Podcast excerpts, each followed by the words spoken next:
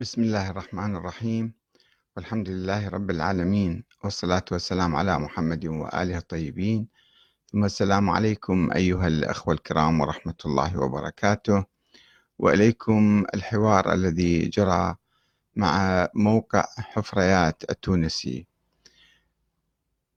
آه، الفكرة المهدوية فكرة حضارية ثورية انبثقت من رحم النضال الشعبي الإسلامي ضد الأنظمة الدكتاتورية المطلقة التي كانت تحكم العالم الإسلامي.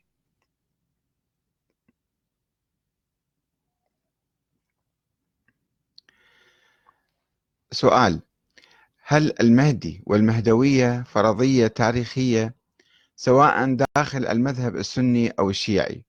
وكيف أسهمت هذه الفكرة في التخلف الإسلامي؟ جواب الفكرة المهدوية فكرة حضارية ثورية انبثقت من رحم النضال الشعبي الإسلامي ضد الأنظمة الدكتاتورية المطلقة التي كانت تحكم العالم الإسلامي وتمارس الظلم والنهبة والطغيان ضد الجماهير المستضعفة.